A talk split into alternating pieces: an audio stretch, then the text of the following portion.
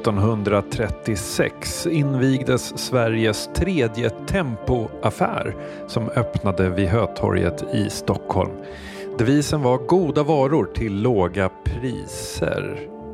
En minnestallrik från den här händelsen hittade jag idag när jag svängde in på en loppis mitt i ingenstans.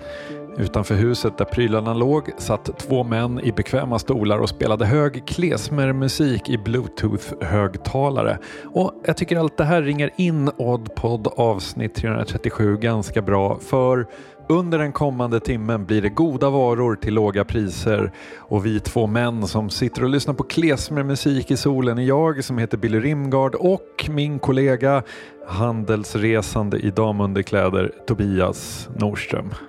Goddag, goddag. Hej. Jag, jag, jag vet inte vad klezmermusik är måste jag erkänna.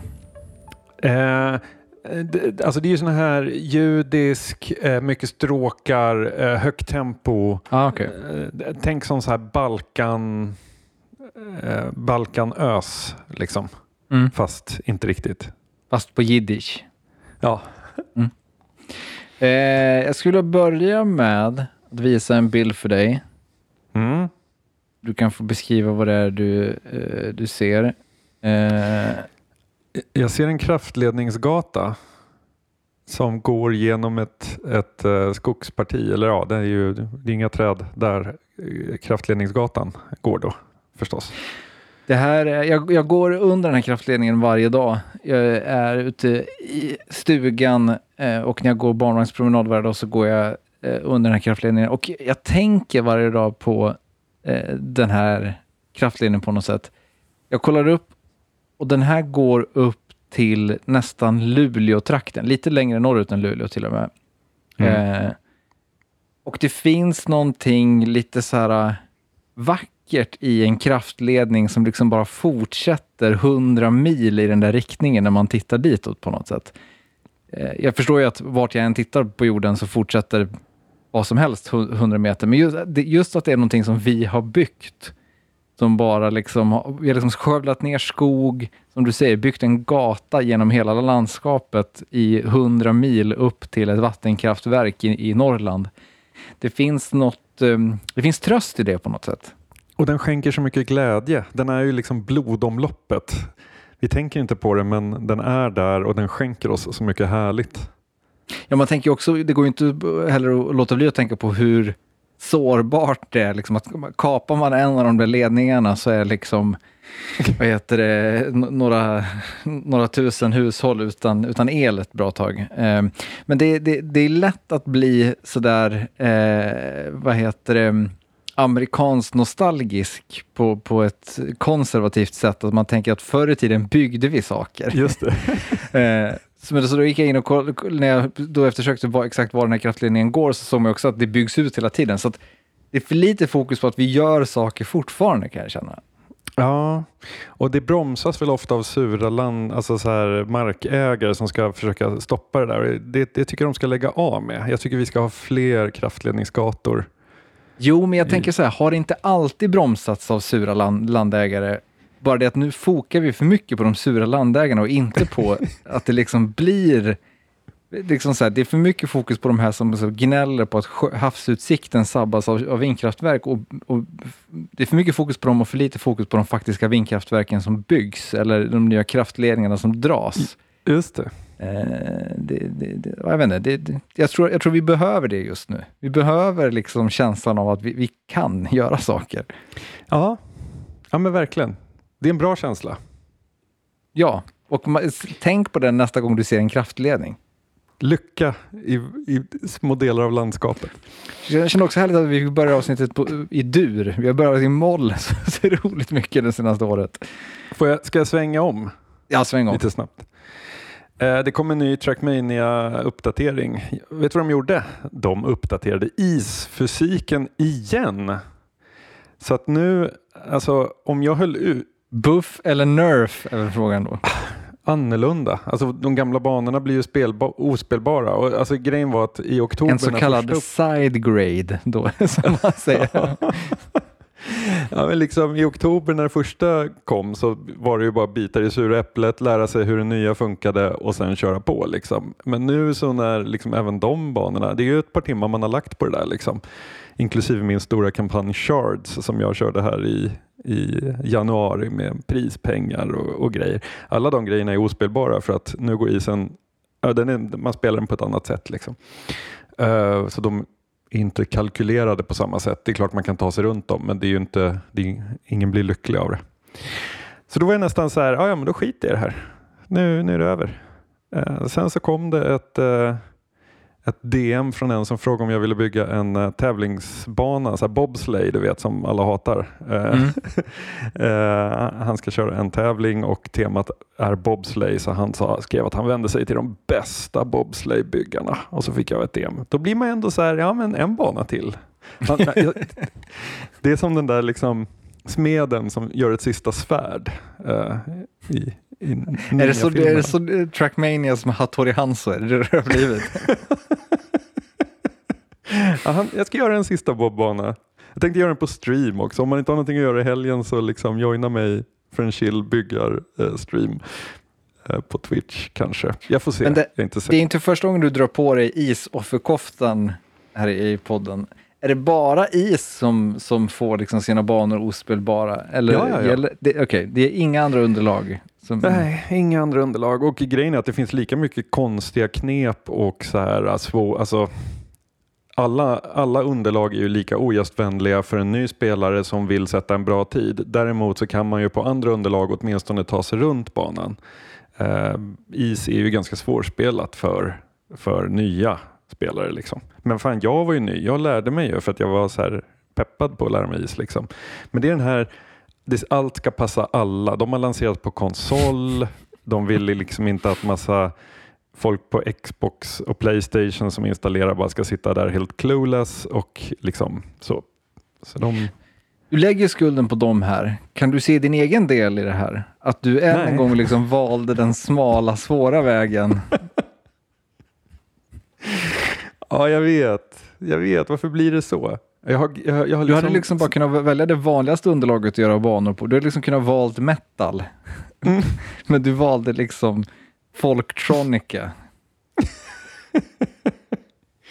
Fast det har ju också lite att göra med att is är ett nytt underlag. Alltså de här gamla, alltså första Trackmania-spelen kom ju liksom början av 00-talen så att de här mer alltså vanligare underlagen, de är ju så optimerade. Liksom. Alltså man måste, det är så otroligt lång väg innan man kan bli bra på, på det också. Ah, skitsamma. Men nu är vi där vi är och eh, jag ska göra en bobbana och jag ska åka på en, ett Trackmania-konvent i Köln i september. Eh, men sen vet jag inte. Vi får se om det blir mer banor från min sida. Jag har på känn att det kommer bli mer. Kanske det kanske lossnar efter det där, vad heter det, Trackmania-eventet i Köln. Då kommer du liksom få låsa upp det från ditt, ditt dagjobb för att göra isbanor på heltid. Just det. Just det, stöd min Patreon. ja, man vill ju inte bli... Mail? Ja, jag ja. vet, men jag vill bara säga det. Det är ju ett, ett kaninhål känns som att vissa kliver ner Man vill inte vara den som livnär sig på att ha liksom åtta olika patrons. Det, det, är en typ av människa jag kan, trots att de inte förtjänar det, känna ett visst förakt för. Mm. Du menar att man, man, man har massa projekt.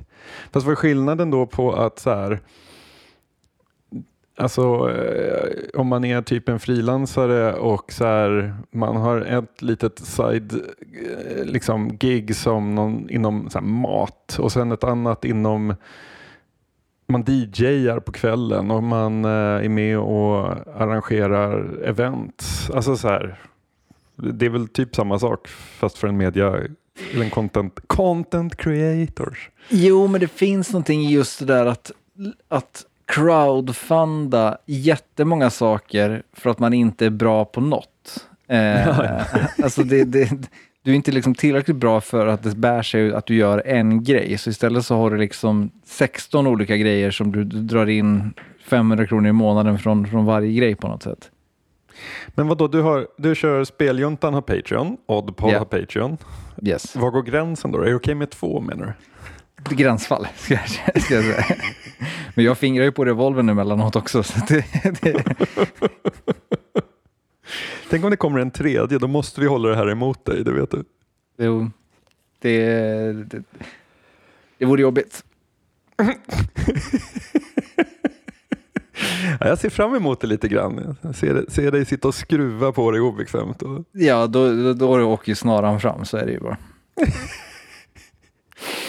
Något annat som är lite obekvämt är det mail vi fick från Erik Hornhed. Horned, förlåt. Han skriver så här. En sak slog mig under lyssningen av delen i slutet, alltså det om förra avsnittet, eh, angående bland annat Marvel och ert beslut att inte diskutera stora franchises som dem och Star Wars. Hur förhåller ni er till de mindre franchises som finns, till exempel Alien?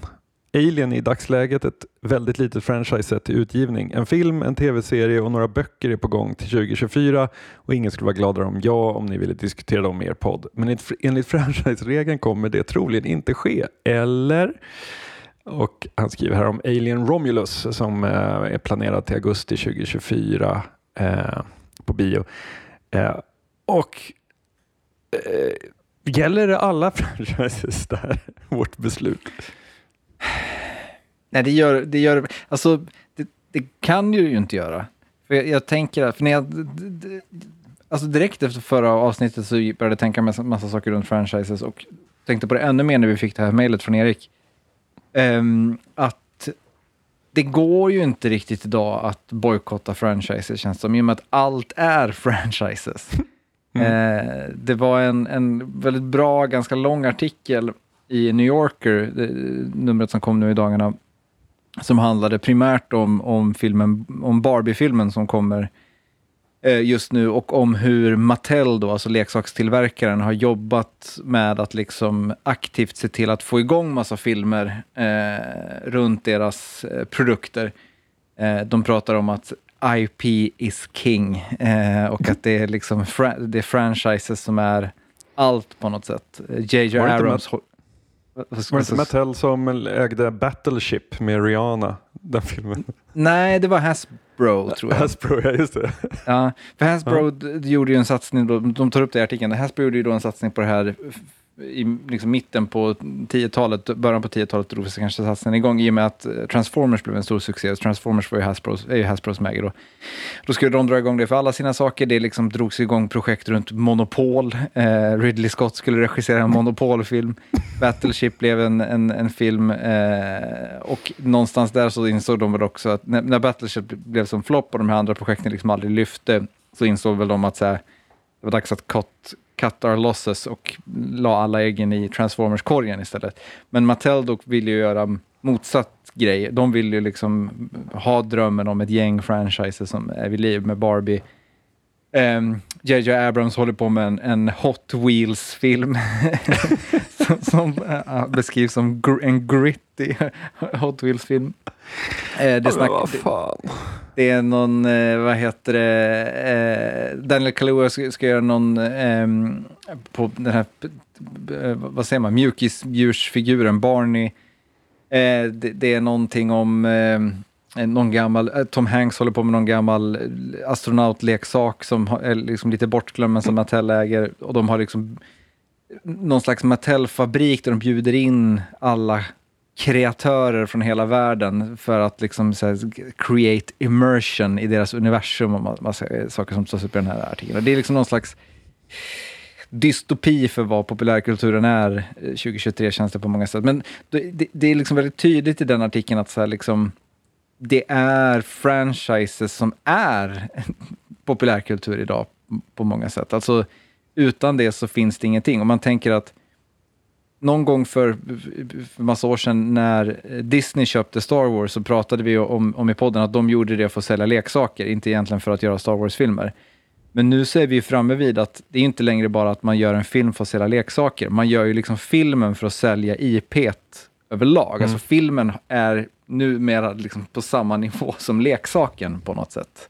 Mm. Eh, man, det, är liksom, det, det, det är inte filmen som är högst i näringskedjan på något sätt. Som den, det är inte den som ska sköta merförsäljningen, utan merförsäljningen ska liksom bara vara en... Filmen är merförsäljning i sig på något sätt. Just det. Så vad liksom, när vi pratar om att vi, in, för jag, jag hoppar också högt på Eriks mail, för Alien-franchisen tror jag att jag har pratat om sen, i och med att jag plöjer böckerna, eh, så tror jag att vi har pratat om Alien även efter vårt franchise, vår franchisebeslut.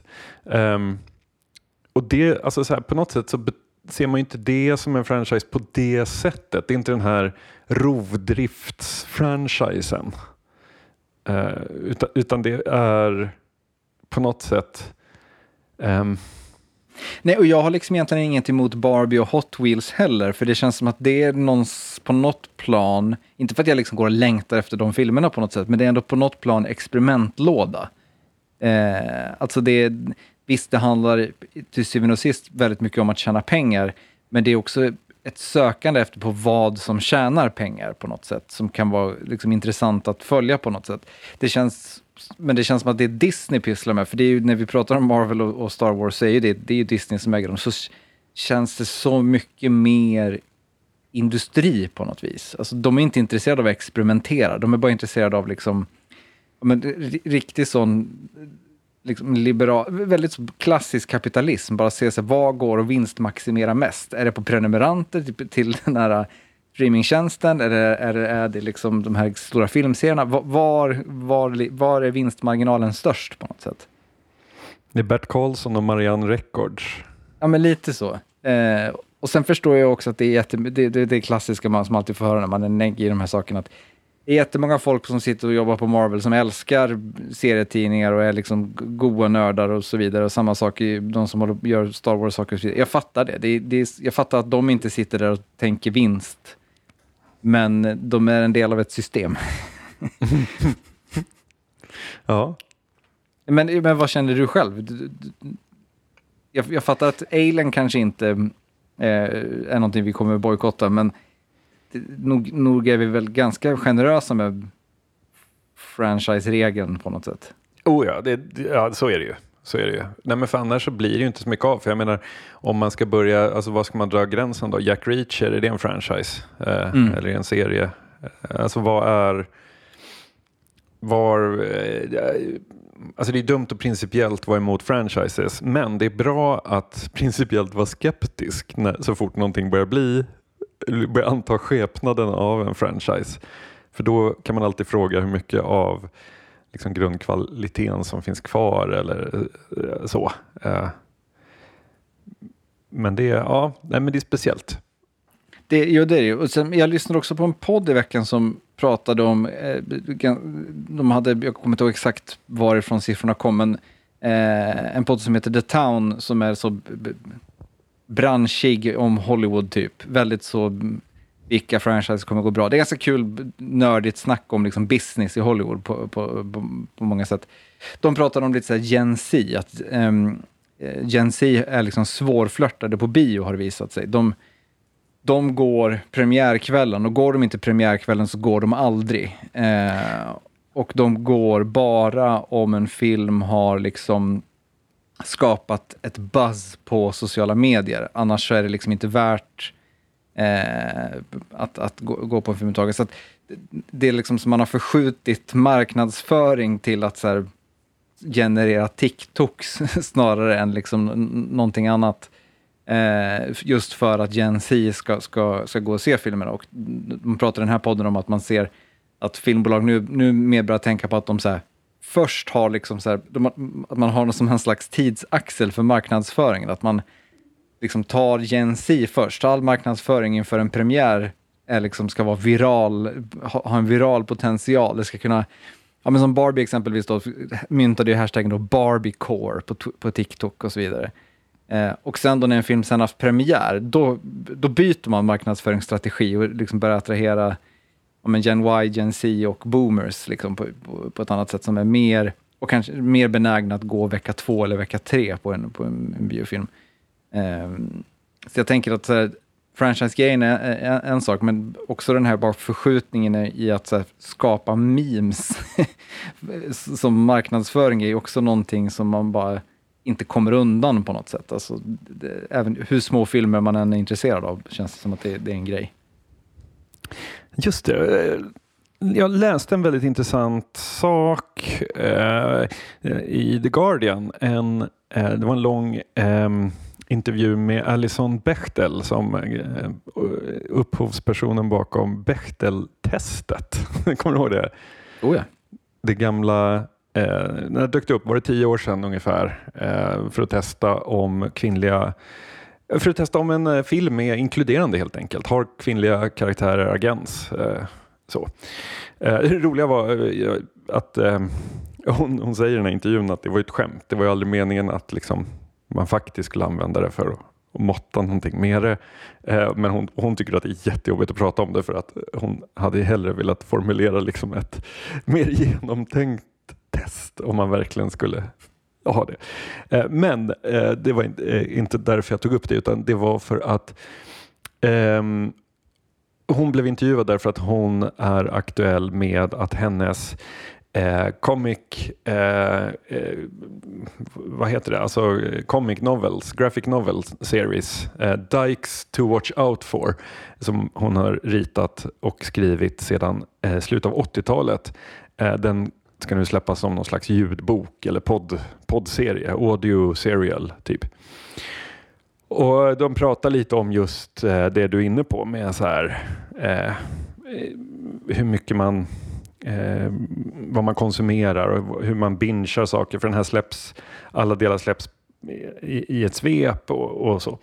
Men då säger hon så här eh, What I am watching is a YouTube show by this Dutchman who brought two crumbling stone barns in the Italian Alps and restores it in real time. It's so soothing, the antidote of all the craziness that we're living through. He releases episodes weekly but I'm a year behind so I'm binging to catch up. Uh, det här blev jag ju naturligtvis uh, nyfiken på att leta upp. Martin Dollard heter han. Känner du, har du sett dem? Inte sett. Nej. Ja, men det, han, han, har verkligen bokstavligen köpt två gamla stenruckel eh, i, högt uppe i italienska alperna och sen där och restaurerar dem. Och det går så långsamt. Det är så långsam, långsam tv med mycket drönarbilder över de här magnifika alperna och, och, och sånt. Och eh, jag är nu efter att ha läst den här artikeln så är jag sju avsnitt in i det där och eh, alltså helt hooked. Och jag började tänka på det där just så här. Ja, men så här om man tänker då från hennes serie Dykes to watch out for via Martin Dollards restaurering av eh, en sten, eller de här stenhusen eh, till typ så här Twitch där jag kan sitta och kolla på någon som eh, jagar en bra tid på en Trackmania-bana en hel kväll. Du hänger inte på kick nu? Nej, jag gör inte det. uh, men sen typ så här, men man lyssnar på den här podden där vi sitter och gafflar eller någon annan podd. Så här. Den här, det här hand... Uh, att man kan liksom handplocka de här små, små ämnena som egentligen de kan vara hur nischade som helst. Jättelångsam tv, någon som restaurerar eh, stenlador. Eh, det finns ju liksom någonting i det som jag också fattar just apropå franchise-diskussionen, just där. vi måste skapa massa memes så folk går på premiären. För dagen efter premiären, ja då sitter de där och tittar på restaureringen av de här jävla stenladorna. um, att det blir liksom så här, jag har tänkt på det jättemycket i, i kontexten också av uh, strejken, uh, manusförfattarstrejken. Uh, mm. Alltså så här, där det liksom pratas mycket om ja, så bristen på kreativa idéer och att det är så likriktat och så här, för att det ska bli bra så måste ni ha bra manusförfattare och liksom sådär. Och jag tänker att så här, det här kanske är, alltså tåget är ju, har kanske lite gått för liksom den massproducerade medien i det, just i det avseendet att så här, om man måste tilltala alla så kommer det ju liksom inte kunna bli spetsigt på ett sånt sätt som Alison Bechtels Dykes to watch out for eh, eller Martin Dollards renovering i italienska alperna. Nej, men det är väl just det där, um, alltså så här, jag tänker samtidigt att man kan nå ett skifte, eller nå liksom en punkt där pendeln svänger, där man inser att så här, det kanske, vi kanske ska skita i det här med att springa efter alla. Eh, om man tänker liksom då film som en liksom, typisk sån industri som har väldigt tydligt rört sig i en sån riktning, så, så handlar det väldigt mycket om att här, man måste locka folk till, till biograferna. Det, det är ju alla, alla med på på något sätt. Men om man liksom tänker istället på eh, på hur, hur liksom film producerades förr i tiden. Alltså alla gick inte och såg, alltså alla var mer benägna att se någonting som man inte liksom, kanske visste vad det var. Eh, samtidigt som man fick färre biobesökare om du förstår vad jag menar. Alltså, det, totalen blev aldrig lika stor, Eh, men det fanns en mer ehm, eh, publik som var benägen att se lite vad som helst. Och jag tror att det skulle funka fortfarande, men problemet är att man skulle liksom gå på nitarna. Eh, Hollywoods industri skulle gå på nitarna och nitarna skulle kännas hårdare på något sätt. Eh, I och med att det liksom är det är, ett, ett eh, det är en tuffare konkurrens på något sätt där liksom färre personer, eh, alltså de som sitter på massa miljarder som de vill, som de vill liksom kasta bort någonstans, de gör ju det på något tech-grej istället idag. De gör ju inte det på något galet filmprojekt som låter kul, för att när du är liksom en miljonärsarvinge som vill göra någonting som, som kom, gör att du får gå på coola fester, då går du inte till ett film, startar du inte ett filmbolag idag, utan du går, hänger ju i Silicon Valley eller någonting sånt istället. Eh, det är ju liksom en, en del i det på något sätt. Men sen så är det väl också den här, um, alltså det som jag tror kommer bli döden för det här är ju på något sätt att anledningen till att man tittar på han som renoverar stenlador är ju för att det är, och nu, nu, nu blir det lösa boliner, men det, det är att det, är, det finns ju någonting äkta där. Mm.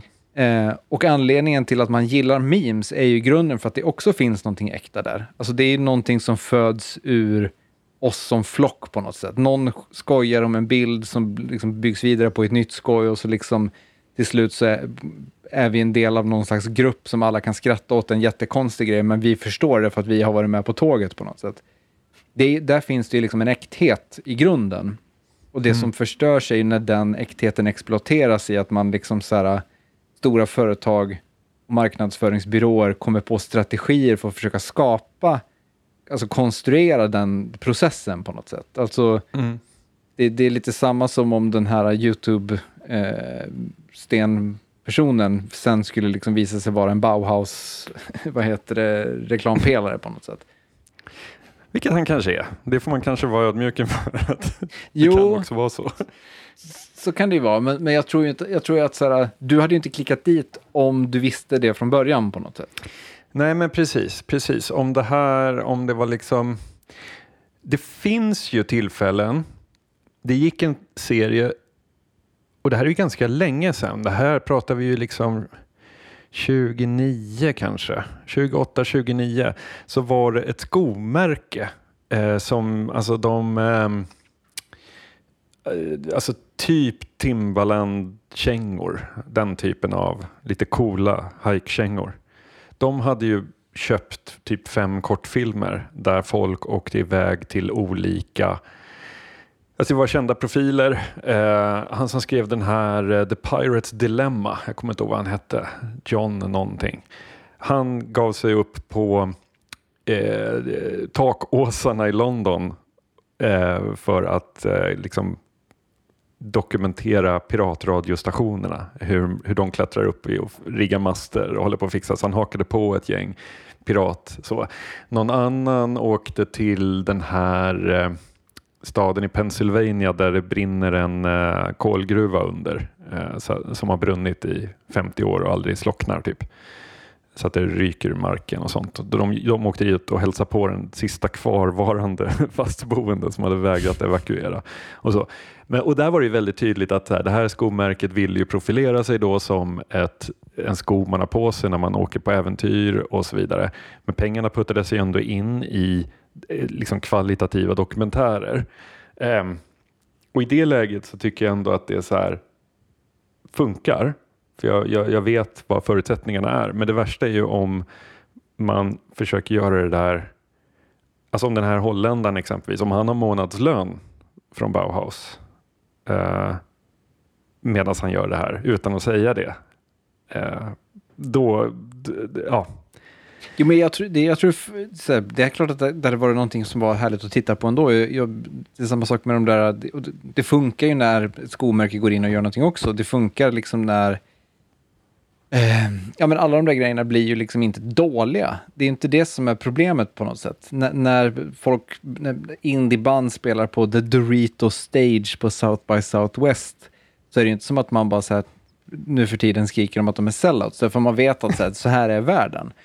Men det gör också att de där grejerna där som inte är en Dorito-scen eh, som, som liksom istället är bara någon som gör någonting, blir ju mer värdefulla på något sätt. Alltså, vad heter den? Alison Bechtels serie, Dykes... To watch out for. Dykes to watch out for. Det, det blir ju, den blir ju liksom mer intressant för att den inte är det som allt annat är på något sätt. Och det är väl det som på något sätt också är det stora problemet med hela franchise-grejen. Att det tråkiga är liksom-, liksom, inte filmerna, det tråkiga är att filmerna är som alla andra filmer. Eh, det, det, det, är där någonstans... Och det, och det, och det är det jag tror att så här, reklamgrejerna blir ju alltid eh, anpassade och det är därför de till syvende och sist aldrig kan liksom bli lika bra som han som gör en stenlada. Eh, det kommer liksom alltid mynna ut i att någon på reklambyrån säger kan vi göra lite mer så här? Just det, eller att någon marknadschef på företaget blir lite nervös över att ska vi, alltså det, det är 15 sekunders eh, eh, det är 15 sekunder drönarfoto här. Folk kommer stänga av. Vi kan inte börja avsnittet på det sättet. Så. Precis. Eh, jag, vi går vidare, byter ämne. Jag försökte komma på en segway, men det finns ingen bra. Jag har läst, eh, håller på och läser eh, Cormac McCarthys eh, två sista böcker, The Passenger och Stella Maris.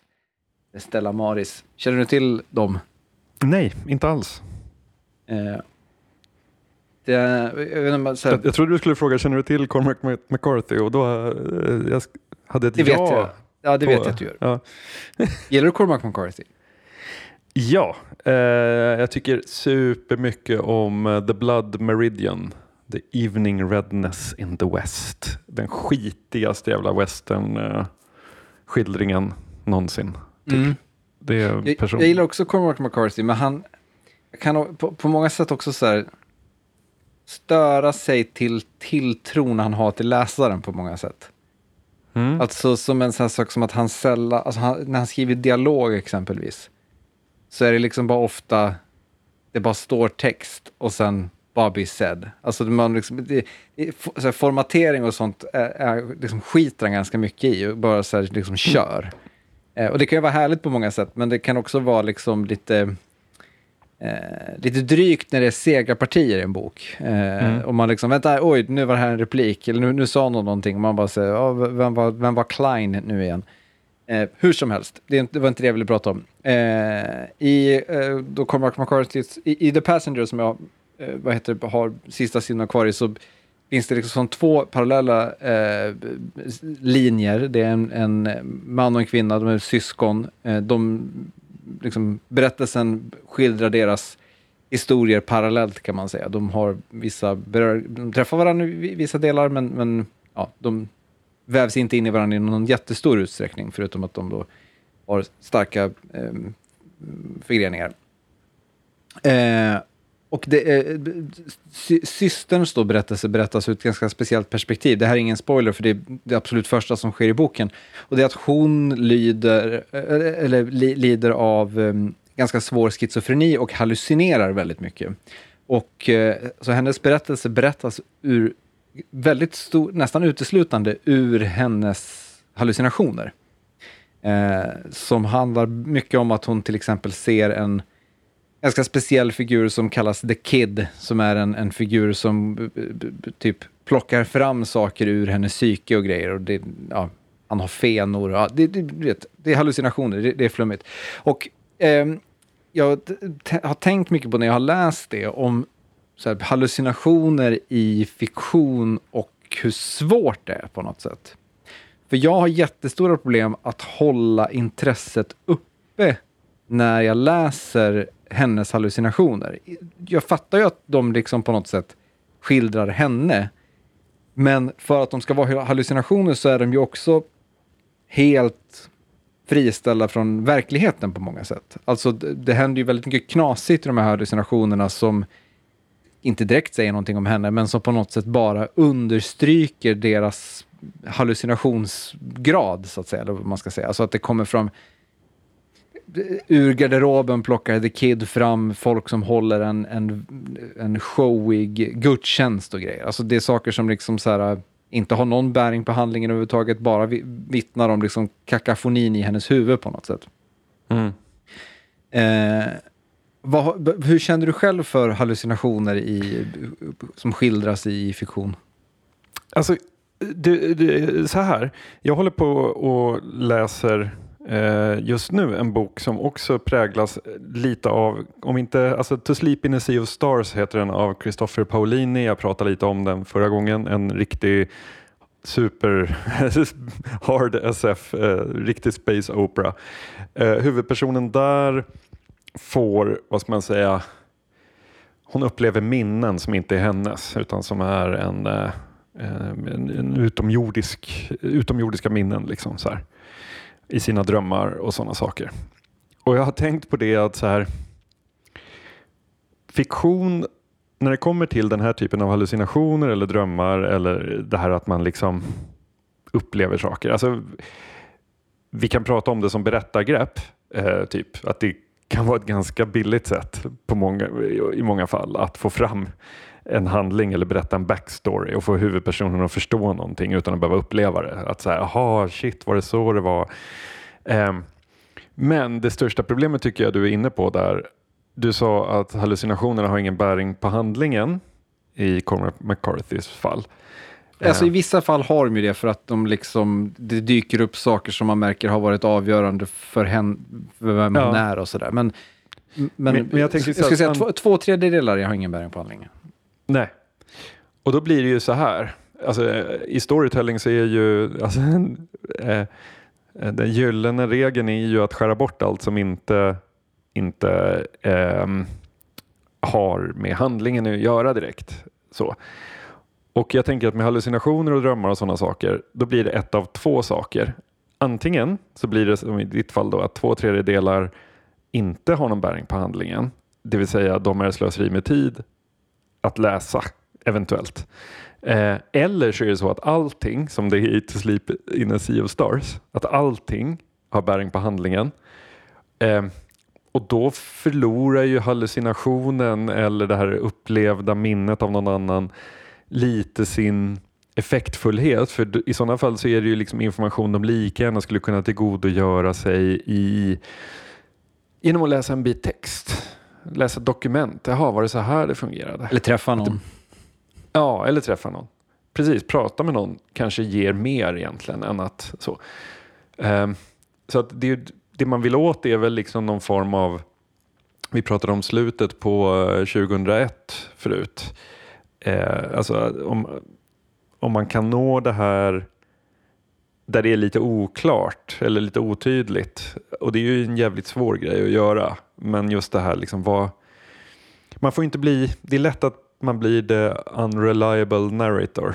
Mm. Uh. Jo, men det är också så här, jag är så otroligt kluven till det just för jag håller väldigt mycket med i det du säger, samtidigt som jag kan tycka att liksom så här, det, kan också, det finns till en viss gräns en poäng i att galenskapen tjänar berättelsen i att vara bara galenskap. Eh, mm. Även ifall det liksom inte för någon handling framåt eller direkt fördjupar vår, vår förståelse för en karaktär så är det liksom någon slags illustration över vilket vansinne som, som pågår på något sätt. Eh, men, men, men, och, det, och det kan, Alltså, det kan göras jättebra också. Alltså, så här, det, jag tänker på The Fisher King när han har varit på dejt och mm. eh, säger hej då till henne och hon går in och han är så lycklig liksom, för första gången på hur länge som helst och så hör han det här klapprandet av hovar och en riddare kommer ridande längs gatan i New York och han bara så här vädjar let me have this. Liksom, kan, kan jag inte bara få ha den här stunden, snälla. Så, alltså, då, det är ju så otroligt starkt ögonblick så att det är ju inte fel i sig. Jag vill bara eh, understryka att jag, jag är inte emot eh, liksom, den typen av grej. Nej, jag är inte heller emot det, men, men det finns någonting i det är också så här, i, i The Passenger då, och i många andra skildringar av hallucinationer, så vet ju huvudpersonen att den hallucinerar. Eh, mm. Vad heter det? det, det jag förstår, det, så här, det är ju jobbigt att hallucinera, även ifall när du vet att du hallucinerar. Eh, för att det är liksom... Eh, om du kan stänga av någonting som du inte är på riktigt så är ju det ett, någonting som blir otroligt påfrestande exempelvis. Så det, det, det är inte det som är ett problem i sig, men det blir också någonting med att jag vet att det här är hallucinationer, huvudpersonen vet att det här är hallucinationer. Det, det saknas liksom någon slags, um, vad ska man säga, spänning eller relevans i det på, på något sätt. Eh, när det liksom jag, vet inte, jag, jag, jag, jag, för jag kan verkligen tycka att det är väldigt effektfullt. Eh, men samtidigt, och just den här känslan av att inte riktigt veta vad som är på riktigt, det är bland de mest effektfulla som finns, eh, kan jag ofta uppleva i, i fiktion. Men just när man så här, vet att det inte är på riktigt, eh, så här, det är också själva paradoxen i det här är ju att ingenting är på riktigt. Eh, Eh, alltså, i, en i en bok så är ju allting påhittat, i, i en roman i alla fall. Så att det, det, egentligen så är det ju ingen skillnad på det som en, en karaktär hallucinerar. Men det blir, det blir någonting i att, i att känna att liksom så här, äh, nu är vi bara i den här karaktärens fantasier eh, och det är fantasier för fantasiernas skull på något vis.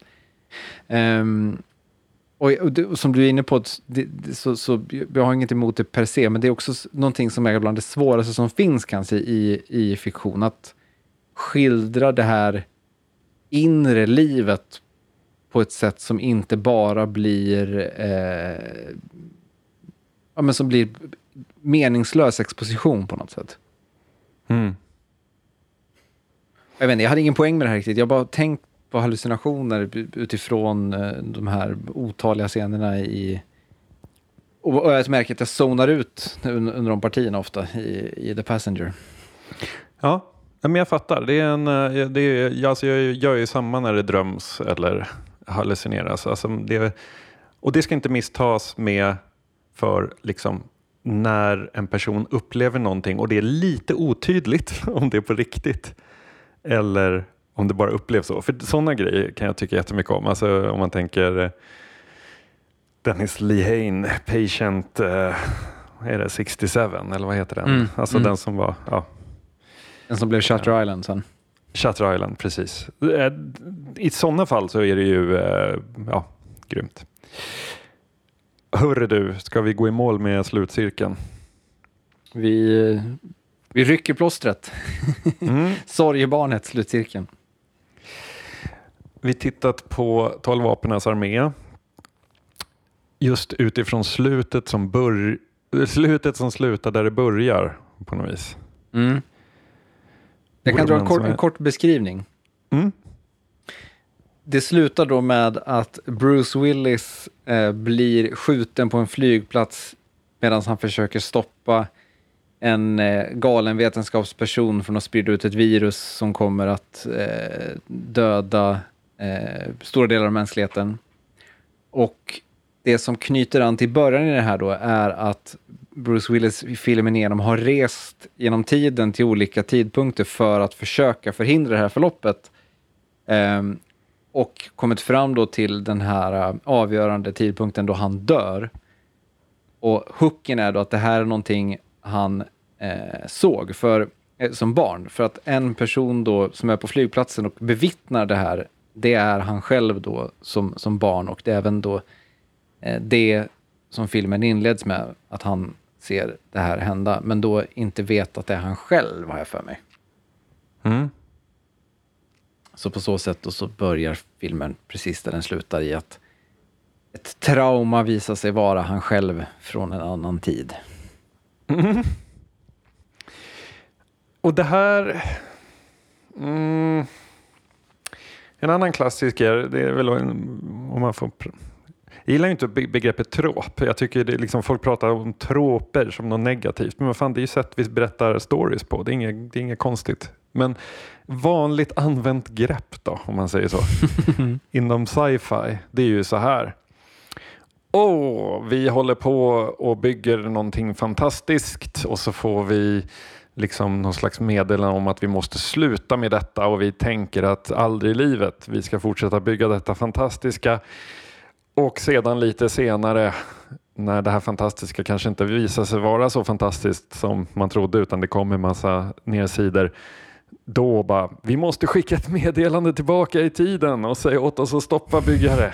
Alltså att det visar sig att just så här, man får man, man har liksom valt en väg som mänsklighet som är dålig och det kommer ett meddelande eh, och man tror att det är någon annan som försöker stoppa en men i själva verket är det man själv långt senare. Det, är, det är ju angränsande till det här på något vis. Oh ja. Um.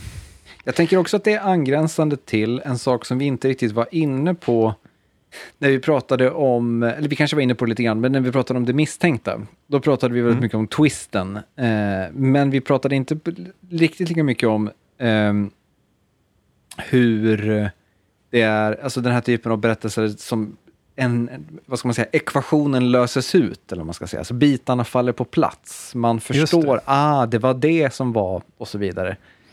Eh, för det Memento, är också, typ. Ja, men exakt. För det är väldigt mycket det också det här är eh, på många sätt. Eh, det, det, det, finns ju liksom filmer som börjar där de slutar som inte liksom har den grejen riktigt. Jag tänker liksom, en sån simpelt simpel exempel som Saving Private Ryan börjar med en gammal man som står vid kyrkogården och ser liksom sina kompisar som dog i andra världskriget.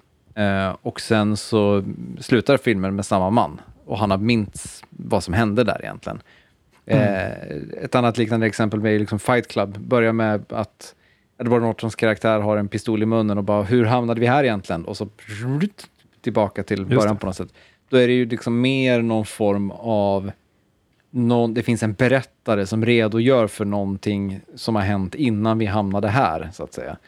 Det, det är liksom det, kan, tycker, tänker jag, det, det, är antingen tidsresor eller så är det någon som berättar, vi har ett perspektiv på någon som berättar på någon, någon eller, eh, någonting har hänt och vi hoppar i tid. På något mm. sätt. När det är dåligt utfört så kan jag oftast tycka så här. Om vi står på ruta ett och sen så rör vi oss framåt genom filmen och sen slutar vi på ruta ett.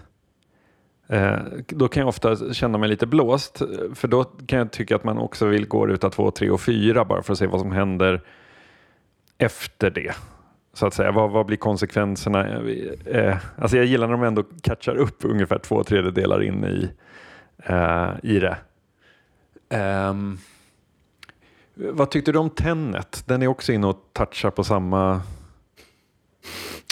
Uh, ja, det är också tidsresegrejen då på, på många sätt. Men jag skulle säga att det är ändå lite annorlunda i och med att det handlar inte så mycket mycket om, alltså, alltså början är egentligen irrelevant för slutet på många sätt. Alltså visst, den, mm. det är ihopkopplat. Men det är en, och, och, det finns ett mått av, ah okej, okay, det var han. Eh, men, eh, men, men det är samtidigt liksom inte som att slutet hänger på början på, på, på, på sätt och vis. Eh, så att jag skulle säga att det är liksom så här, det, det, det, där känns det som lite mer en kuriös grej som nästan måste in för att filmen har ett tidsreseperspektiv eh, i sig. Eh, och jag kan känna att så här, det här greppet ofta kan vara billigt är väl fel ord, men det, det, det, det är ganska safe att på något sätt visa för tittaren eller läsaren, här, hit är vi på väg. Här, här liksom så här, oavsett om det uttryckligen är att nu rör vi oss hitåt eller om det bara är någonting som planteras så är det liksom ett löfte om någonting som sen känns ganska smart, trots att det egentligen inte är så smart. Man har liksom bara brutit kronologin tekniskt sett. Eh, jag menar, du, du, du, jag tänker att skippar man i, i, i 12 vapenons armé till exempel, skippar man att plantera att han ser det där som barn i början och bara låter det vara en grej på slutet så liksom så här, det händer egentligen inte jättemycket men det, du får någon slags liten härlig aha-grej när, eh, när du, du liksom ser saker gå ihop där på slutet tack vare det på något sätt. Just det. Eh, och det är ganska, det är så här, du, som sagt, det, det, billigt är kanske fel ord, men det är ett, ett, ett enkelt och ganska effektivt sätt att bara här, ta en bit från slutet, slänga in den i början och sen känner sig tittaren smart när den kommer ihåg vad som hände för några, för några timmar sedan. Ah, det var det där! ja, men, det är, är inte den brutna kronologin är, li, är ju lite så här Alltså vad det, vad det i grund och botten handlar om är ju brist på information. Man ger inte information om kontexten och vil, vad de är, vilka de är och vad de gör där och så vidare. Sen så backtrackar man och kommer tillbaka till samma scen och då, då är det som att massa grejer händer. Det är lite som liksom, eh, trollkaren som drar undan skynket från liksom, sitt trick som den har förberett i ett par minuter. Ja, så är det ju.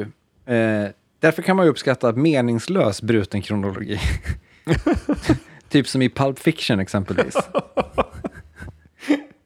som ju då har en uppbruten, uppbruten kronologi där till exempel då film, det är också en film som börjar där den slutar. Vad heter det? Den börjar med ett rån av en, av en diner eh, och det är även rånet vi slutar vid, men då berättat utifrån två andra karaktärers perspektiv, nämligen Vincent Vega och Jules, minns inte vad han heter i efternamn tyvärr. Um, och det, det, är lite kul, men samtidigt så vet man ju att Vincent Vegas karaktär mördas senare i kronologin. Alltså så, så det, det, det, har egentligen liksom ingen direkt poäng för storyn att, att kronologin är uppbruten, utöver bara att det liksom, ja, är lite kul. ja. ja, och, och, lite kul, det är ju därför vi tittar på filmer och läser böcker, jo, eller hur? Det, det, det, får man väl säga. Eh, men eh, jag skulle säga så här, den här typen av slut, inget favoritslut direkt. Eh, men jag har nog kanske inte heller sett något exempel som är extraordinärt, känns det som. Nej, kanske inte. Nej, för, för precis. För att det, det Eller så är det bara som, det, är, det är som lite så här, det är som alla trolleritrick. När man så här, det är lite härligt första gången, men sen när man vet hur tricket går till så tappar det sin magi lite grann. Ja. Precis, så kanske det är. Och det är väl, jag tycker vi ser det mer och mer i, i tv. Alltså nu jag letar efter ett bra exempel, kommer inte på något, men i, de moderna tv-serierna, de som kommer med tio avsnitt eh, per säsong på någon streamingtjänst. Eh, där öppnar de ju ofta en bit in i handlingen eh, bara för att de inte har tid att etablera karaktärer och så vidare. Mm. Eh, där tror jag att man kommer se sånt här mer.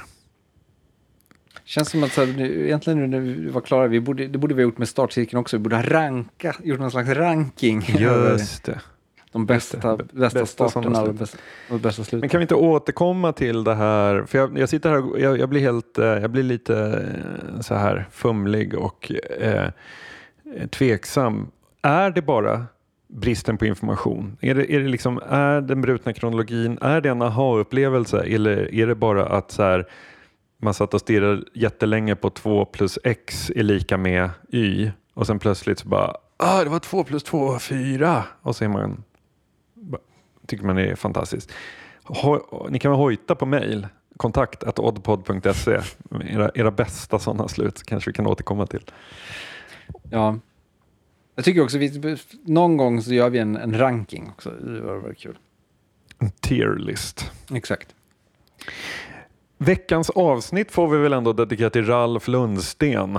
Ja. Som var i elektronmusikens tjänst fram till denna vecka när han hängde upp sin skylt. Han drog ur, sitt, han drog ur sin sladd. Han plockade ner sin skylt va? Ja, vad sa jag? Du alltså, hängde, hängde upp sin skylt. ja. Men, ja, det eh, finns något i det också kanske. Ja. Closed. Vila i frid. Vila i frid.